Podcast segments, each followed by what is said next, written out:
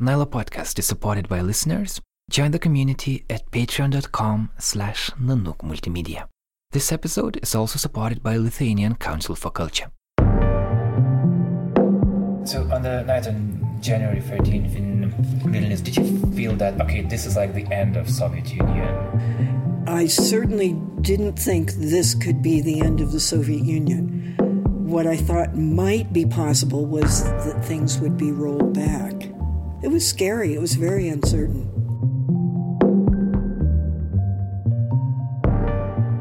This December, I was in Santa Fe, New Mexico, at the conference called Journalism Under Fire.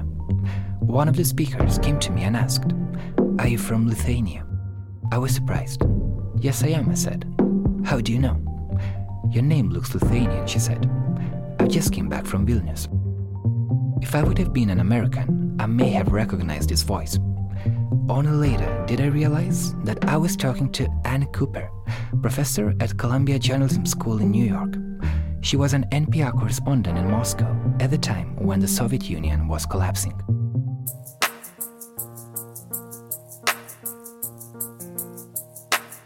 Anne Cooper reported from the very first anti Soviet rally in the whole Soviet Union. It took place on 1987 near the statue of Adomas Mickevičius in Vilnius. She came back to Lithuania four years later, on the bloody night of January the 13th.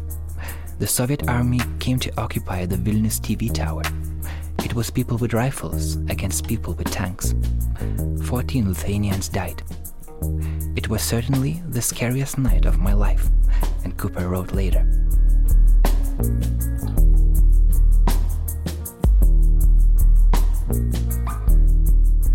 The conference, we recorded our conversation on those events and the state of modern journalism. Today is the January 13th, and I want to share it with you. I am Karolis Vyšniauskas from Nanook Journalists Collective in Vilnius.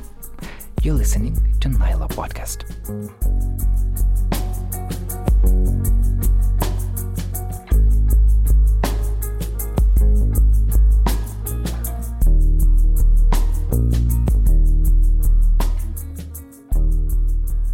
Where I want to start is just to go a little bit backward to your uh, career in journalism. I'm just curious, how did you, as an American, decided that you want to go to Moscow to cover events in Soviet Union back in the 80s? Mm-hmm. Why was that interesting for you as a journalist? Okay. As with so many things in life, it was kind of an accident. It wasn't a great strategic plan. Um, I was married to someone at the time who was also a journalist. Um, and he was being sent to Moscow as Moscow correspondent. And I was working, we were both working in Washington. I worked for a magazine that covered Washington politics. Um, so if I was going to go to Moscow with him, I needed to do something else, or I needed to work for somebody else. So um, it was 1986, I guess, when he was offered the job. Um, Mikhail Gorbachev had become uh, general secretary of the Communist Party. People could see things were maybe going to be different. Nobody knew exactly how different, but so there were a, a lot or a number of American news organizations that wanted to have a correspondent there and didn't. So they said, "Oh, if you're going, we'd love to have you work for us." And of the people I talked to, NPR was the most interesting and appealing. It had a big audience. You know, almost, you know, newspapers didn't have national audiences then because, um, you know, there was no internet. Uh, you know, you couldn't put all your stuff online. How, so how, that's it was it was accidental in a way. but I guess you're happy that it happened. Yes, absolutely. How free were you as a American journalist in Moscow in the late 80s?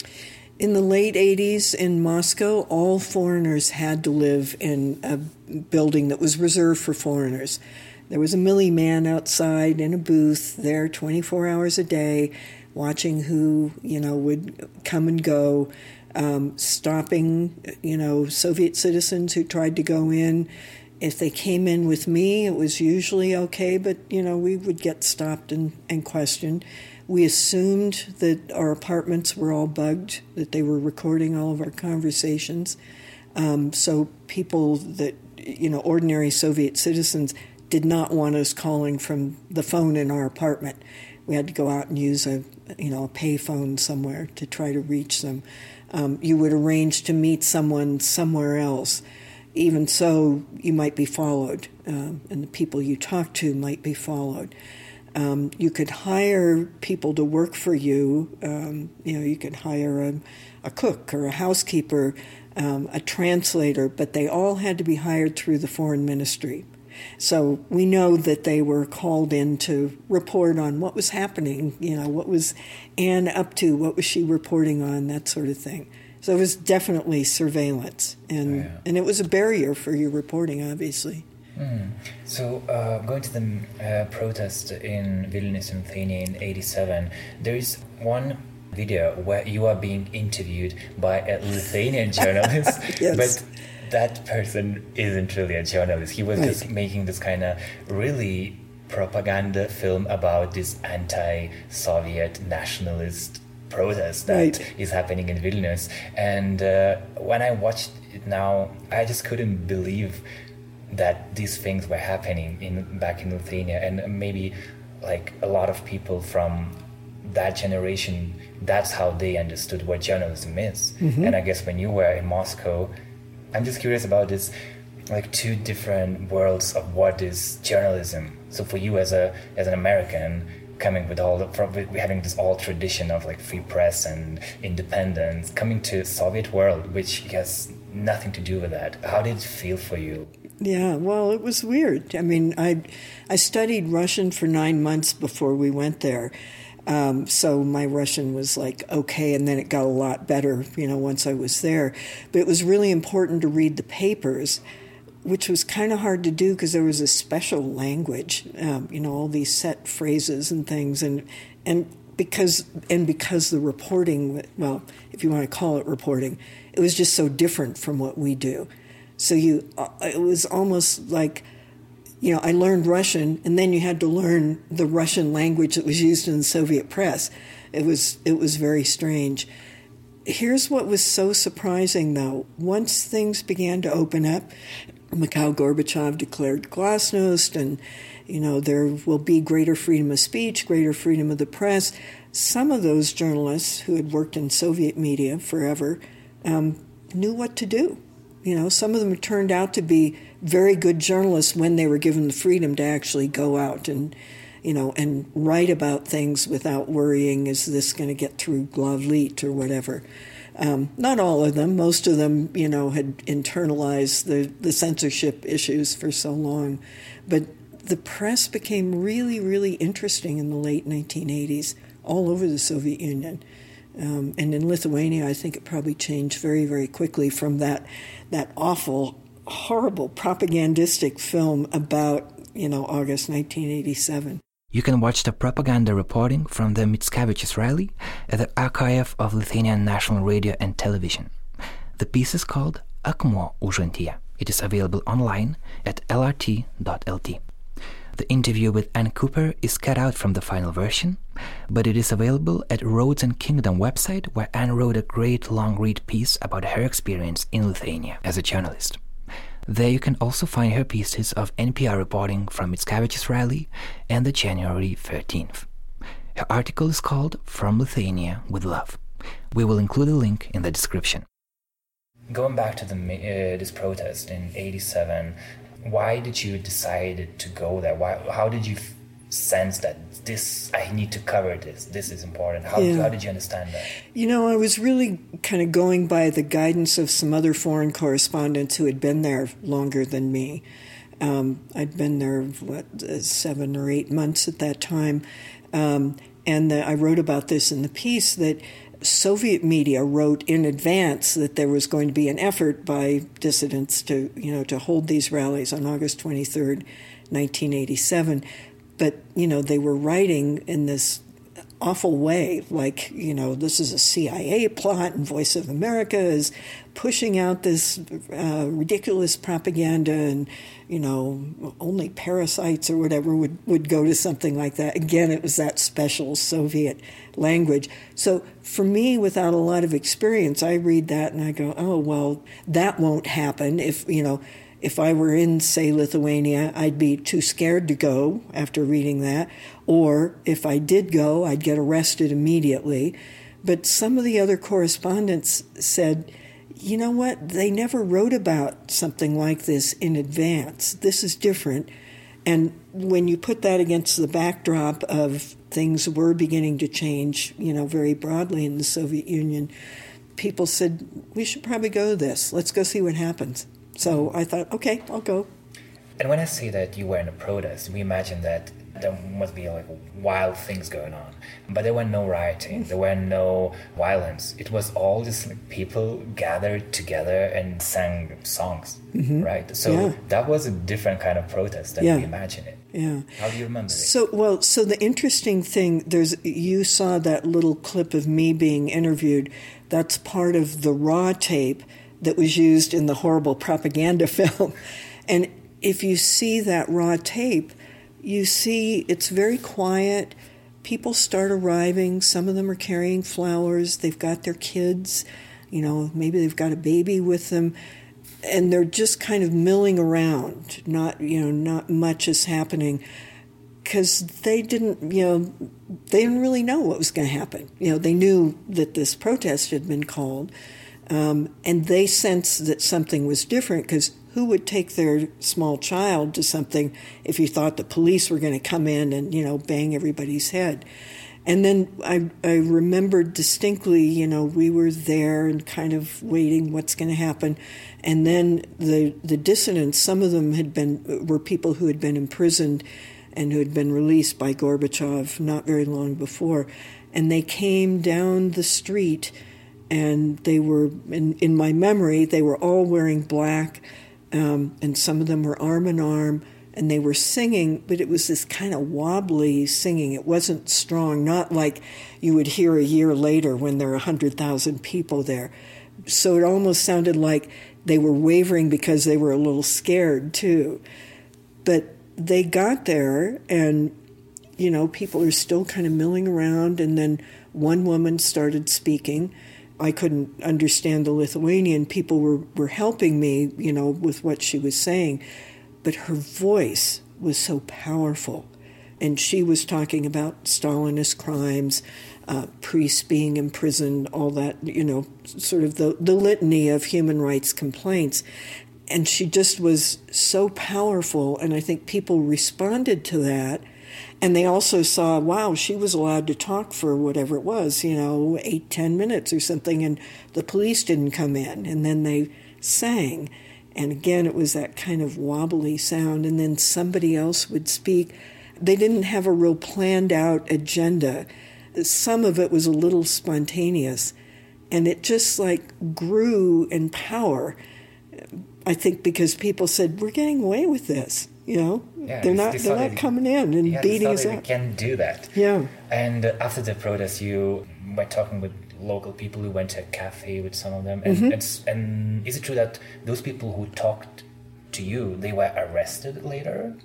They were detained. Um, I talked to Daiva. What, does that mean exactly? Well, it means that when they so they were from Kaunas. There were three of them, and one was a young woman who I interviewed right near the end she came over to me as people were leaving and she said, You know, do you want to go have coffee?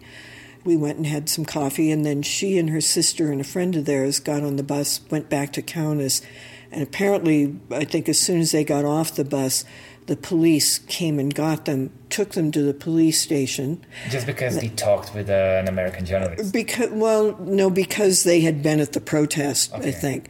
Um, but they had my card, you know, saying I was, you know, meaning they had talked to an American journalist. And so they were pretty frightened and they actually ate the card somehow oh, wow. um, as they're waiting, you know, so to. They didn't want to expose you or? No, they didn't. It was like evidence of, you know, they've been there and they've talked to a foreigner, which was still not a cool thing to do. so I met with her again this last spring, and she said, No, we weren't detained for very long. I think they asked them some questions and then they went home. So it seemed like that was over. And I had known about that. What I didn't know until I talked to her more this spring was that her sister went through one of those horrible Soviet denunciations at her workplace. You know, why would you go to this thing? You know, you, I don't know what kind of words they use, traitor or whatever. Um, and that the, the man who was with them, who was a friend of theirs, actually did lose his job. And I heard this spring about some other people lost their jobs after that protest, which I, I hadn't known. So that's awful, of course, but it still was very different from the past. Yeah. I put a link in my story to um, a piece that Meduza did recently about Novocherkassk, which was in the 60s. There were food riots and people were killed, you know, and that's what you could expect to happen back in the deep Soviet era. But, you know, losing your job is a terrible consequence, but it still wasn't like being sent off to the gulag, you know. But then in on January 13th, you also you were back to Vilnius, and that was a different kind of mood. What do you remember now from after like 20, 20 oh, 27 years? I remember that? so much. It's like it's one of those events where it's so dramatic that it, you know I, I, can almost think minute by minute. You know what happened. Um, a group of us, you know, there were quite a few foreign correspondents, and some of us had gone around midnight, I guess, went to the TV tower and it was actually a wonderful sight. There were older people over here singing Lithuanian songs, and younger people over here had a generator and they were playing some rock and roll and dancing and stuff. And we talked to the guys inside the TV tower who said, "Yeah, we've they had fire hoses pulled down. That was going to be their line of defense to turn fire hoses on soldiers. They had some rifles, but they were like hunting rifles." We go back to the hotel go in the bar. Woman behind the bar said, Excuse me, but on Lithuanian TV, they say that tanks are now headed to the TV tower. So we rushed back out, grabbed the same driver. I don't know whether he had come back or what, but he, you know, speeds off to the TV tower. We see the tanks as they arrive. There's a point where he can't drive any further, so we get out and we're running. I did see a tank go over a car, go over people. Um, and then I stood up on, you know, there's kind of a high hill. I don't know if it goes all the way around the TV tower, but you can stand up there and look out and pretty much see everything. And I remember standing there with another correspondent, Paul Quinn-Judge from the Christian Science Monitor, and we're hearing these huge explosions that just like made your stomach lurch. And Paul said to me, They're firing blanks. Look, there's no damage and and so that made me feel a little bit better, you know, to realize that they weren't going to like bring down the TV tower or something. They just wanted just scare they people. were yes, but they also had guns, and people were shot. You know, people were run over. We stayed there for that part of it. You know, when there was like active shooting, so it's kind of like looking down on it and then, you know, the shooting stopped, I guess, because they'd gotten into the tower and taken over the tower.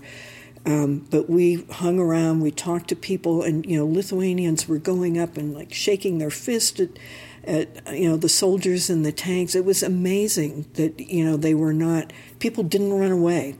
They were angry, uh, and they wanted the soldiers to know that. And I stayed there for, I don't know how long, an hour or so after everything calmed down. And then it sort of dawned on me oh, Parliament, what's going to happen there? Because, you know, that was the other place that everyone assumed would be attacked. So I went to Parliament. There were no tanks there.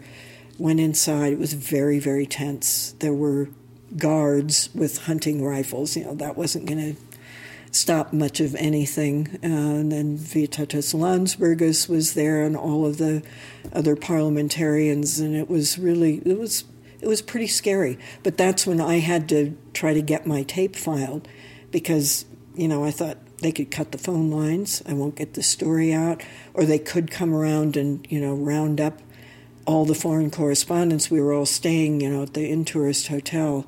Um, so we all moved out of there and just moved in with various uh, people who lived in the apartment building right across from there. People just took us in, fed us, you know, let us sleep on the floor. Lithuanians wanted this story to get out to the world. They understand the importance Absolutely. of uh, independent journalists yeah. being there. Yeah.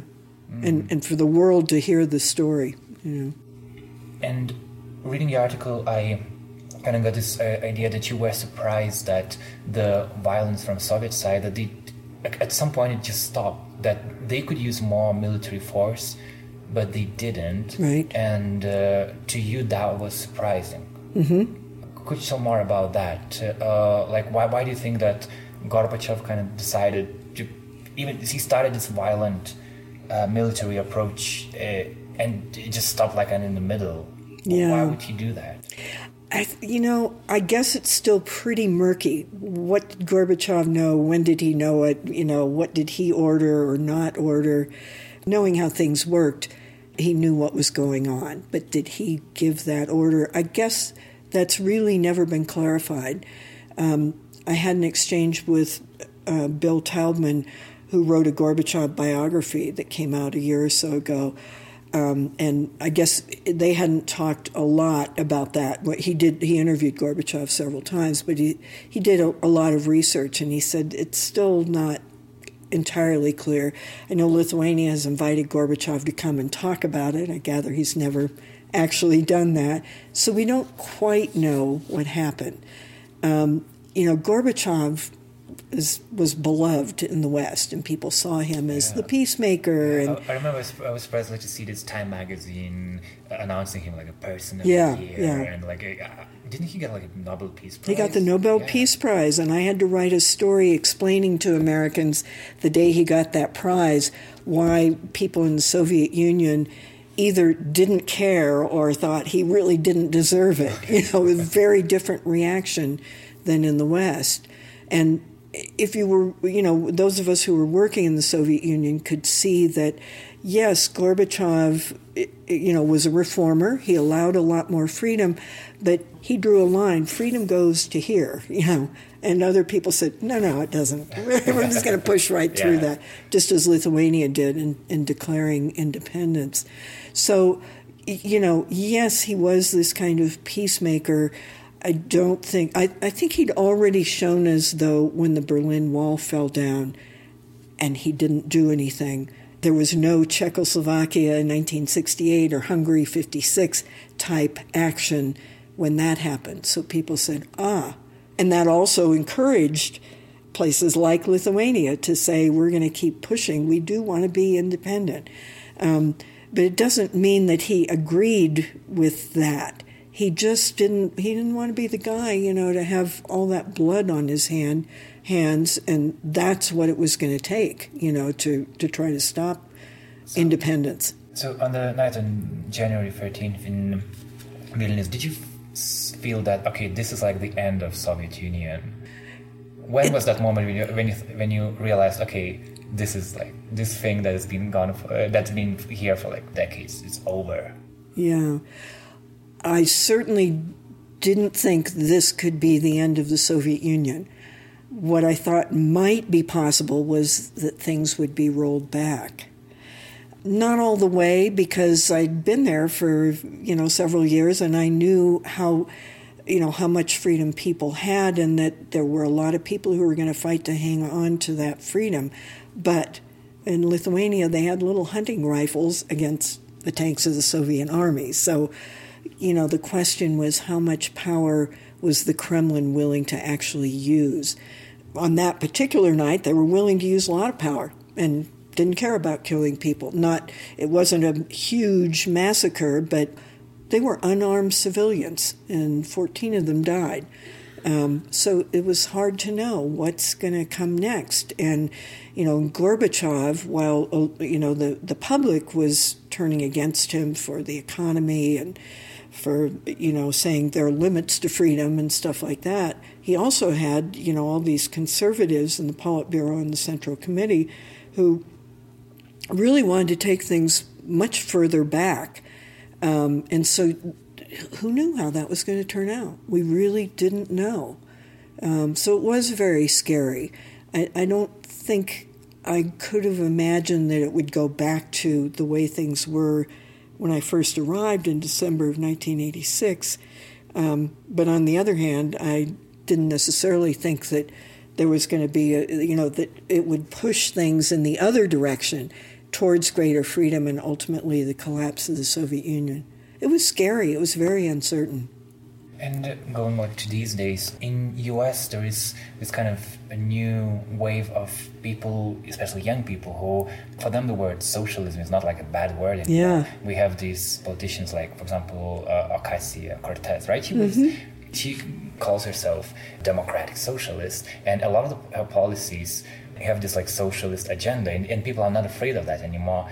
But those people who criticize they saying, oh, but like eventually, look at like what happened in Soviet Union. That socialism in itself has this kind of drive to go to authoritarianism at some point, and that they more conservative people see this socialist movement as a as a as a bad bad thing in society. Yeah. And for you as living in like liberal independent west but also spending your time in soviet union how do you see the these developments in american society now are you afraid of people not being afraid saying the word socialist aloud. no, I think it's very healthy. It's great to have that debate.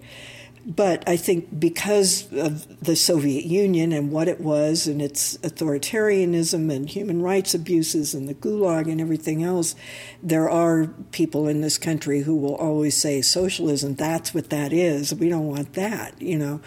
But I think when the new uh, sort of progressive socialists talk about socialism in this country, what they're really talking about is Western Europe.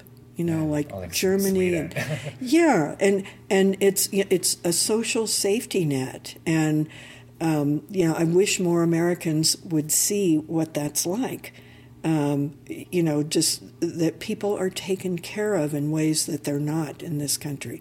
Health care, so huge. I mean, how can you think that it's okay for you know, people to die because they can't get good health because they can't afford good health care.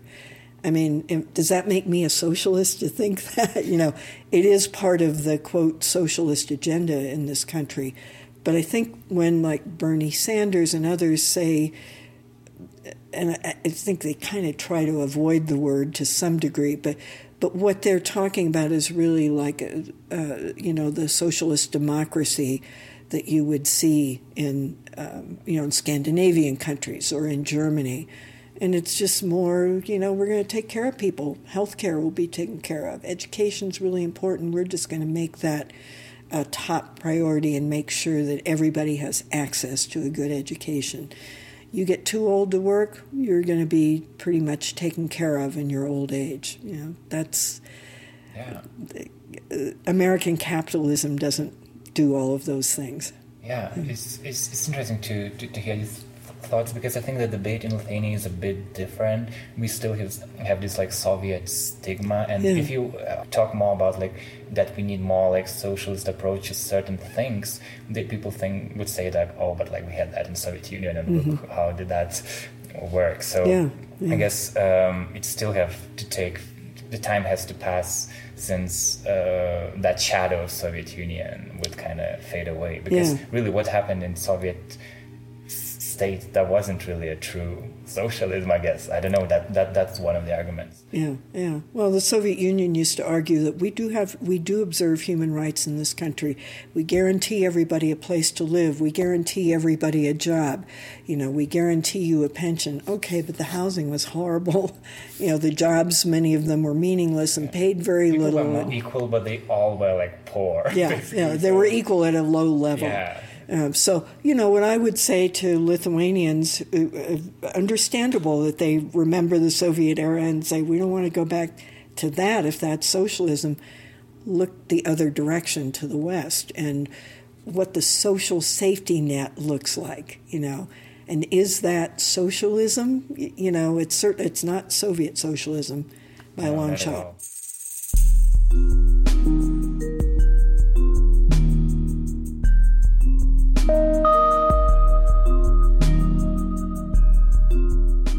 Quick shout out to our sponsors. Nyla Podcast is supported by MailerLite, an email marketing company established right here in Vilnius. More than 550,000 businesses, startups, and freelancers around the world trust MailerLite. We do that too. We use their service for our newsletter.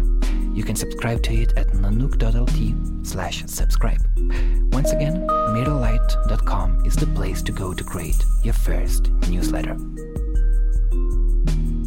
Nyla Podcast wouldn't exist without our listener support. Right now, 288 people have already joined our Patreon community.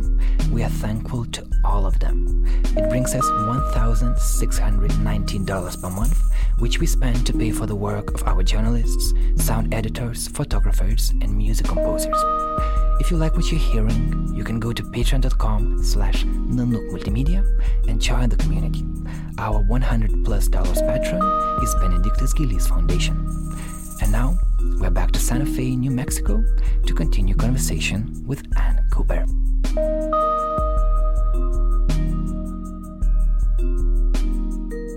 Okay, so what I wanted to talk in this part is um, the state of journalism education mm-hmm. uh, in, in, in, in US and I guess in the world right now because really the, the thing that you said yesterday about young people more interested in like social media and raising the number of their followers rather than do actual reporting. I could really relate to that because it seems that now good journalism is that journalism that gets a lot of reactions that gets a lot of shares on social media. If you if you're popular then you're good. That's kind of the understanding.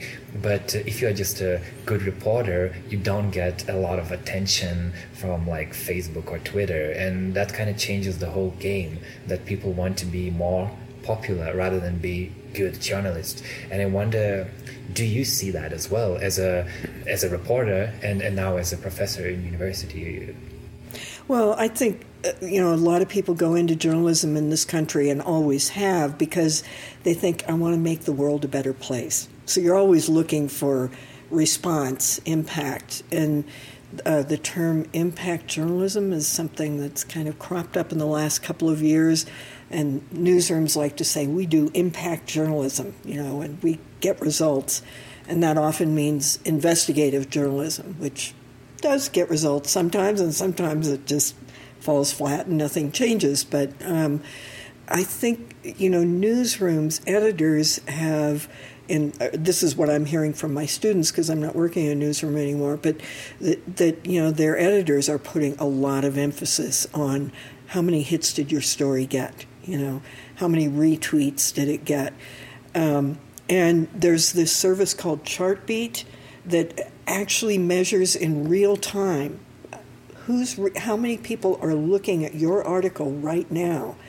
Um, I have a student who went to work at a, a, digital startup, Business Insider. It's been very successful, covers business and finance. But you walk in their offices and there's a big screen with this Chartbeat thing, and Lynette can see, you know, is anybody looking at her story?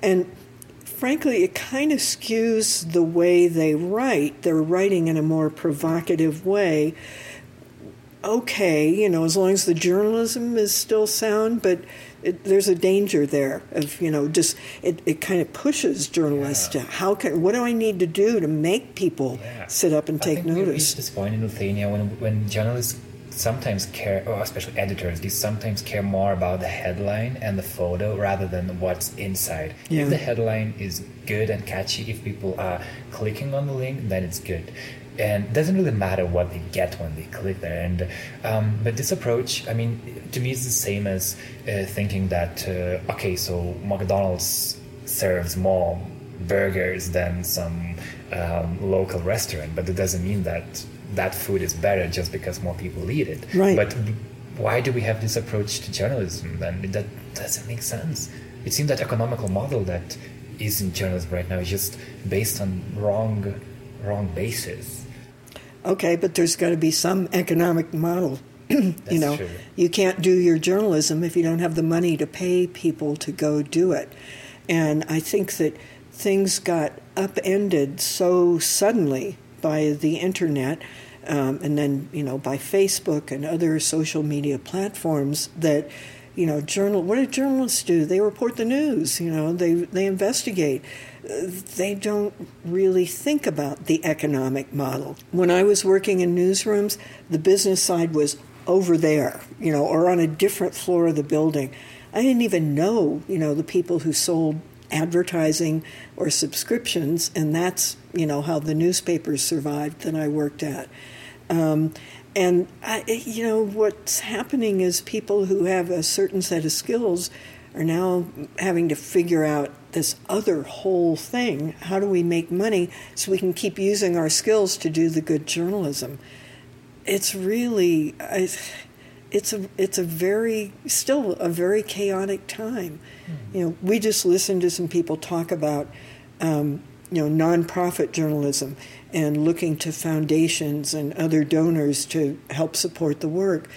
That's great. You know, if you can find a funder who's going to say, I'm committed to you forever and ever, but often funders are committed for a couple of years or maybe five years, and, and then what happens? Um, so it's it's a real change. I didn't when I was working at newspapers and magazines and at NPR, I never thought about gee, I wonder if we'll still be in business next year.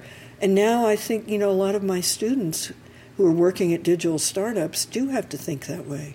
Hmm. It seems that at some point journalism took a wrong turn. For example, if film television people they created netflix. When music uh, uh, industry created uh, like spotify where people can pay some money and then they got the whole access to everything. For example if you have netflix you pay like ten dollars and you get uh, every show, and that's that sounds like a sustainable business model. But for media, it's not like that. We don't have a one service that oh I pay for that and we get I get news uh, I get New York Times, I get um, the Guardian, I get something else. That would work, I think. But it seems that media people just didn't cooperate enough and now everyone is struggling because of because of this idea of all the content should be free yes do you, do you, agree with that? Do you think that uh, when you looked at the history of uh, modern journalism, when when that wrong turn was taken? Um, well, I think a lot of people in journalism say there was a wrong turn when the internet began, and news organizations made the decision. Almost all of them, we're just going to give it away. It will be free. Nobody was thinking about the fact that, uh, you know, their digital news their digital site was going to compete with their print newspaper or their print magazine.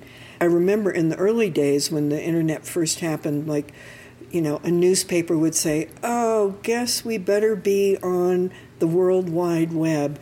Um, you know, editor so and so over here, you're getting close to retirement. Why don't you go do that thing? And it was, you know, nobody wanted to do it. I'm, I'm not kidding.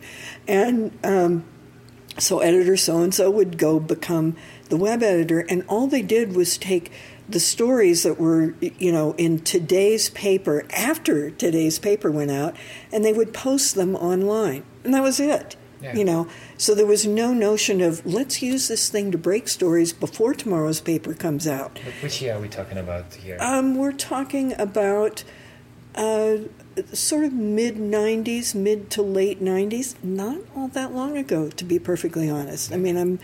I'm thinking of some places in particular that were like that. NPR, where I worked, you know, they were like, okay, we have to have stuff online, but they had, I remember visiting one time and I said, I want to talk to the digital people. And they were all off in a separate room and they were taking the stories that were on All Things Considered tonight and repackaging them and putting them online. They didn't do anything with them before, you know, it actually ran on one of the flagship shows. People just weren't thinking about, you know, how to how this new thing could be used for breaking news to do, to present the news in a different way that's happened kind of gradually, but then you know they nobody was really prepared for it or knew how to deal with the fact that all of a sudden I'm getting push alerts on my phone, so I'm going to go read those stories now. I I still get the print New York Times at home because old habits die hard, but you know page one is like mm, mm, they, they put more news analysis pieces there. So I may read some of those, but the news, the news all happened, the news that's in this morning's newspaper all happened yesterday. Mm. I already read it, or I at least saw the headlines. And so I go through that print newspaper a whole lot faster than I used to. In Lithuania, in let's say early 2000s, a lot of people wanted to go to be journalists because it was a good career. Basically, you could have a lot of influence in society and you could make good money out of it. Um, now what we have is that we see journalism as one of those professions that it really it's really risky, but still people are interested in that. But those people understand that they are going here not for financial reasons, but for uh, what you mentioned, for the impact that they want. They they they, they, they see the importance of journalism in society. So in a way, now we have those people who actually want to be journalists because those people who would go there only for the money those people are going to other professions mm-hmm. and i wonder do you as a as a, um, a, professor at the university do you see that now we, you have different kind of students because of this different media landscape that maybe now you have people who are, really want to change the world rather than just have a good career so i've been teaching at columbia journalism school for 13 years and always there have been students who arrive who say, I'm here because I really care about social justice issues. I'm here because I want to make the world a better place. And you don't want to stamp out that idealism, but you know, we do try to talk realistically about, you know, how much of a difference you can make. But I, I love that. And are we seeing that more? Maybe some more. But journalism in this country, aside from the TV networks and you know a few other places, it's never been you know a great money making business or profession to go into. Um, so maybe we haven't seen as dramatic a change in that regard. Um, in this country, we do see these periodic, after Watergate in 1974, when Richard Nixon was forced to resign from the presidency. Um, you know, why did that happen? Well, there were a lot of factors that, you know, that eventually led to Nixon's resignation. But the reporting by two people, Bob Woodward and Carl Bernstein at the Washington Post, was seen as pivotal to all that, to keeping the issue alive, the issue of the president may have done something wrong. And journalism schools got, you know, floods of new applicants after that because people said, "I want to do that." That's really making a difference. You do you know? think today's uh, today's uh, young people of today, like, do they have these kind of role models in new new, new generation of journalists? Um, that's a great question. I think there there are definitely role models out there. I don't think because the the media landscape is now so much diver, more diverse. There's so many more news outlets you don't have the situation that you used to have, where, like, for example, uh, when I was growing up, 90 million Americans every night watched the nightly TV news.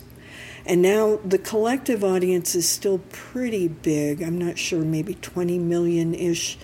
Um, but uh, but think of you know going from 90 million down to a fraction of that really.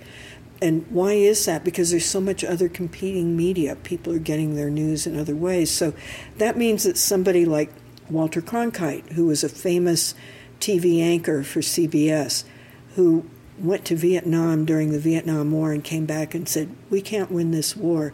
Oh my God, you know, that was like the whole country heard him say that. Or if they didn't hear it, you know, that night, it was, you know, reverberated in other media there isn't that same collective national audience that, that there used to be.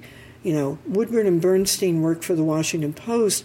Okay, it didn't circulate, uh, you know, everywhere in the country, but there, but there were far fewer media outlets, and so everybody, you know, like everybody in the media was seeing what they were doing and would then sort of re-report their work it's very hard for anybody to have that kind of a profile anymore. Or they might have it, but briefly. You know, it's like this is news for a while and then we move on to the next thing, you know. But at the same time, I guess we have more journalists now than we used to have at uh, that era. And now the whole um, landscape of who is doing journalism, there are much more diverse people who are journalists today. And um, I was thinking, like, um, uh, under one of the first days of our program, we met a journalist named, um, just check it, Charles Lewis. Maybe I know. Yes, Charles Lewis. He's an investigative reporter, and he said that he, he mentioned all the statistics. For example, that since 2006, almost 20,000 reporters uh, basically they were fired from newsrooms in the U.S. But that's that's a huge number. But mm-hmm. at the mm-hmm. same time, we have thousands yeah. of people who became these social media reporters. So maybe I, I just I'm curious what you think about it. So are we more informed now because we all are kind of journalists, or are we more misinformed because there's just too much information that you can get lost in it? Can I say both? maybe, maybe I think so. Yeah, yeah. So, um, you know, I was a foreign correspondent, so I pay a lot of attention to international news. And uh, 10 or 15 years ago, you would see these articles about, oh no, foreign correspondence is dying in America. You know, the Boston Globe has closed all its bureaus, the Chicago Tribune, blah, blah, blah. And what those stories missed was that new things were coming up well, two things. One is that there were new media outlets that were also covering foreign news.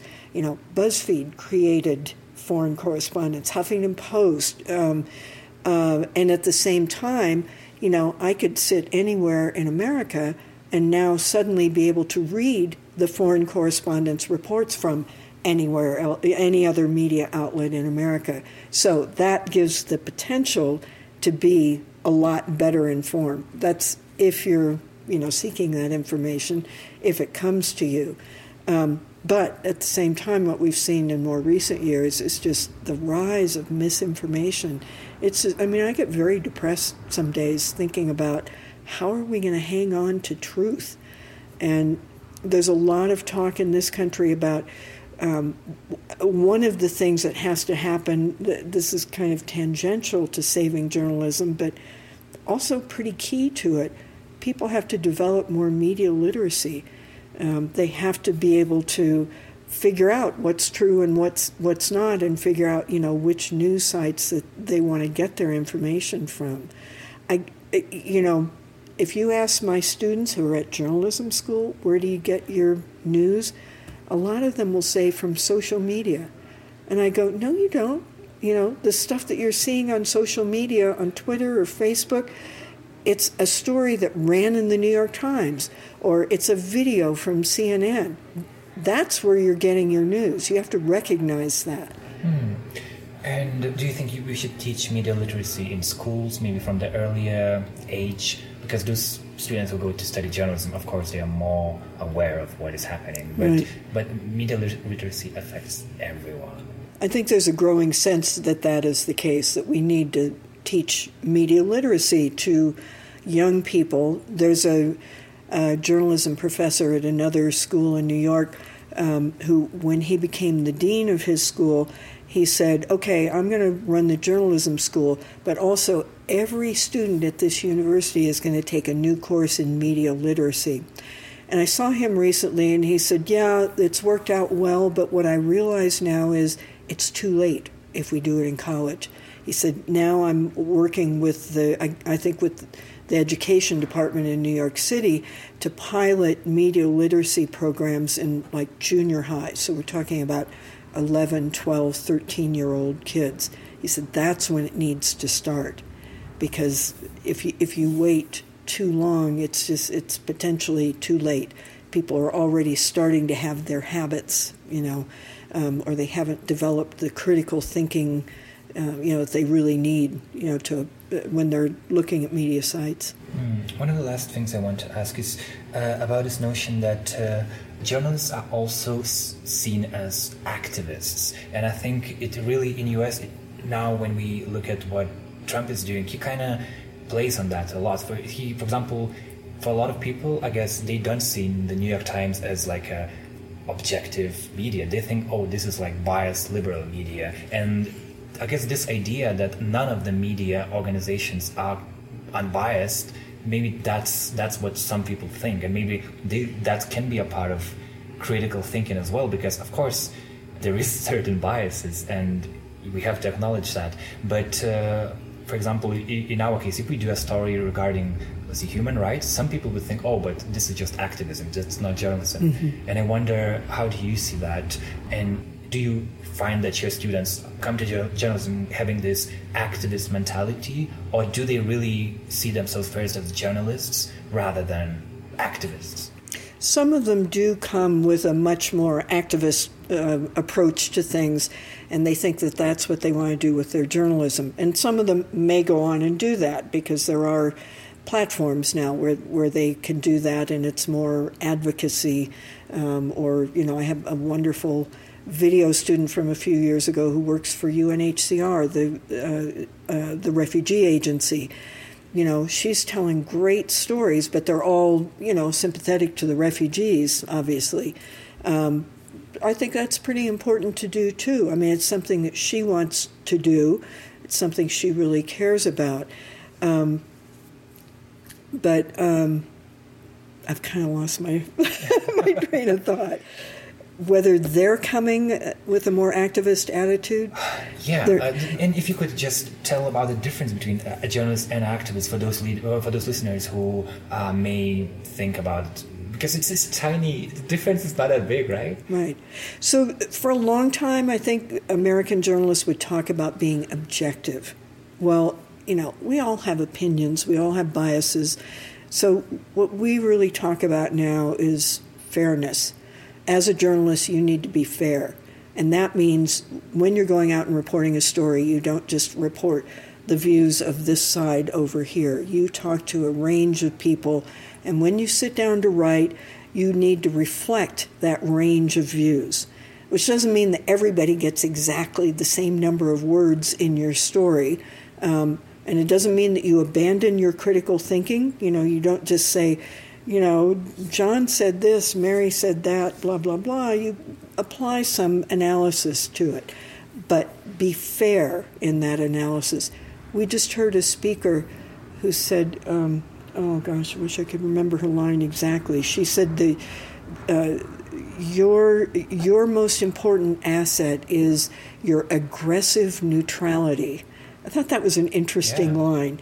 Um, neutrality. It's not also not exactly the same as objectivity.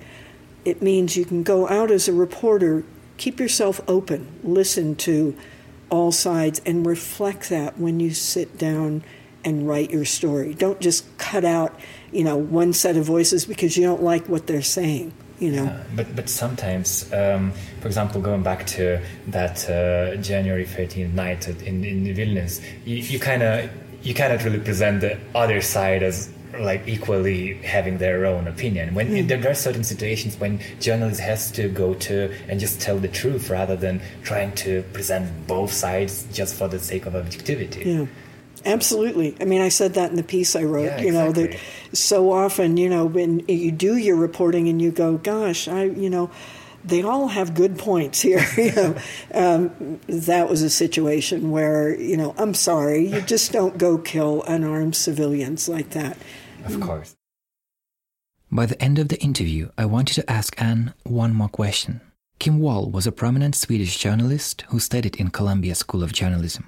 Her articles were published by the New York Times, The Guardian, and other media outlets. Last year, she went to interview Danish engineer Peter Madsen in Copenhagen. The interview took place in his submarine. Eleven days later, her body was discovered on the beach. The journalist community was shocked. Madsen was given a life sentence. The judge told that Kim Wall's murder was cynical and planned. I asked Anne, what message does this brutal story send to women journalists? I think her death sparked a, a big conversation. You know, many women journalists said, let's not let this change things you know, let's not let this convince our editors that they shouldn't send us out to cover dangerous assignments. That's always a concern because women have worked very hard to get, you know, on an equal footing um, in the newsroom, and, and that includes, you know, being sent out to cover conflicts. Uh, so I think, you know, in the case of Kim, there was a lot of a lot of angst. There was a lot of hand wringing about it, and what does it mean, and was it because she was a woman? And, you know, some women said you wouldn't even be asking that question if it had been a male reporter. Um, so let's not go there. What, what we ended up doing, because two thirds of our students are female, and this happened right as new students were coming in. So, you know, we talked about it. We had uh, some of the students from her class came and reminisced about her, talked about her work, um, and we put together a film and we did, um, you know, some training classes saying yes, it can be more dangerous for women. There are, you know, there are certain risks that you face as a woman that you know, your male colleagues probably don't face. That doesn't mean you shouldn't be sent out to cover those issues if you want to. You should have the choice. Um, but and and much of the emphasis was on being prepared, being knowledgeable, assessing the risk in advance, making sure you have an exit strategy, um, and and so that's you know there is this whole industry now of hostile environment training. Um, and it was started by men who were in the f- first ones were uh, guys who'd been in the South African army, and they started this private training stuff, and it was very kind of gung ho, you know, and sort of oriented to, you know, kind of macho male war correspondents, and um, and there wasn't any of this stuff in there like you know, if you're a female, what are the different risks or additional risks that you might face? And I think over time, situations like the death of Kim Wall have caused some evolution in that training and more recognition. That, you know, there are some things we can tell women uh, before they put they end up in a situation like that. And on that night on January 13th in Vilnius, were there uh, other women reporters uh, together with you? Oh yeah. Um, there definitely were. I just, say, you know, there were two or three other reporters that I had been traveling with that night, and none of them were women, but there were definitely female reporters out there. So uh, for you, it wasn't uh, an issue just going to um, dangerous territory mm, and to cover it because you were a woman. At, at that time, NPR didn't think like maybe we shouldn't send you there. No, but you know, the Soviet Union wasn't really a war zone you know. yeah. I mean, yes, on that night, suddenly there was a, a conflict and there was shooting, but, um, you know, normally speaking, no, it wasn't. I mean, the, the biggest danger might be uh, the, the kind of thing that used to happen at demonstrations, you know, like five or six people would go to Pushkin Square in Moscow and unfurl a banner, you know, let our people go or something like that. And the police would move in right away and, you know, beat them over the head. And if you were a reporter there, you might kind of get roughed up by the police yourself. Probably not even detained, though. So, you know, Moscow wasn't considered like a, a conflict beat at all. Um, it just, everything suddenly came together. That, but I guess NPR also was really um, understanding of these kind of things and didn't well to, to, me right now they have it seems that they have a really diverse um, room of journalists and um, you have a lot of different voices. They, they really set a good standard. I guess in the in the early mm-hmm. 90s they, uh, in the late 80s they were also following that standard as well. I hope so. Yeah. They had far fewer foreign correspondents than they do today. But you know if you listen to npr and the reports coming in from all over the world and that includes conflict zones most of those voices are female I'm not sure what the breakdown is, but um, uh, NPR, for I guess almost from its beginning, um, most of the staff or most of the on air people um, have been female reporters. That's, that's, not typical. It's not typical, and people say why, and the response you get from NPR correspondents is because they pay so little. women will, you know, will accept those jobs because it's a great opportunity, but they certainly didn't get paid anything like the TV network correspondents. They got paid, you know, many times what an NPR correspondent would make. That's changed some. It's okay. it's better, but. Do you start your day listening to NPR? I morning? do. I do. I, my husband and I actually our clock uh, goes off at 7 a.m. A, you know, a, a, radio clock, radio alarm, uh, and it's the top of the news for morning edition at 7 a.m. I wish I could have this opportunity. Uh, but I have BBC World Radio. Because that's um, you, you cannot listen to NPR uh, on like your regular FM FM radio. So yeah, I started my day with BBC News. They, When- they're the good also. When I was a foreign correspondent, that's how I woke up every morning was Uh, with BBC World News America. Yeah. Yeah, I love that they, uh, they um, just there is an opportunity to listen to BBC at living in Vilnius. I, that's how I learned language. Uh, you heard a lot of English voices, like different Mm-hmm. accents. That's really that's really the power of radio. But thank you, Anne, for for the talk. Oh, thank you. It was great. I enjoyed it.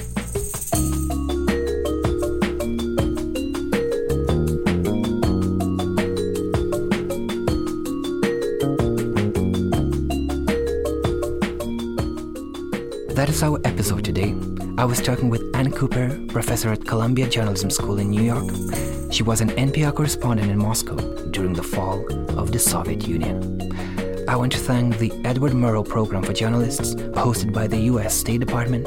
My trip to Santa Fe, New Mexico, where I met Anne Cooper, was a part of this program and the conference Journalism Under Fire.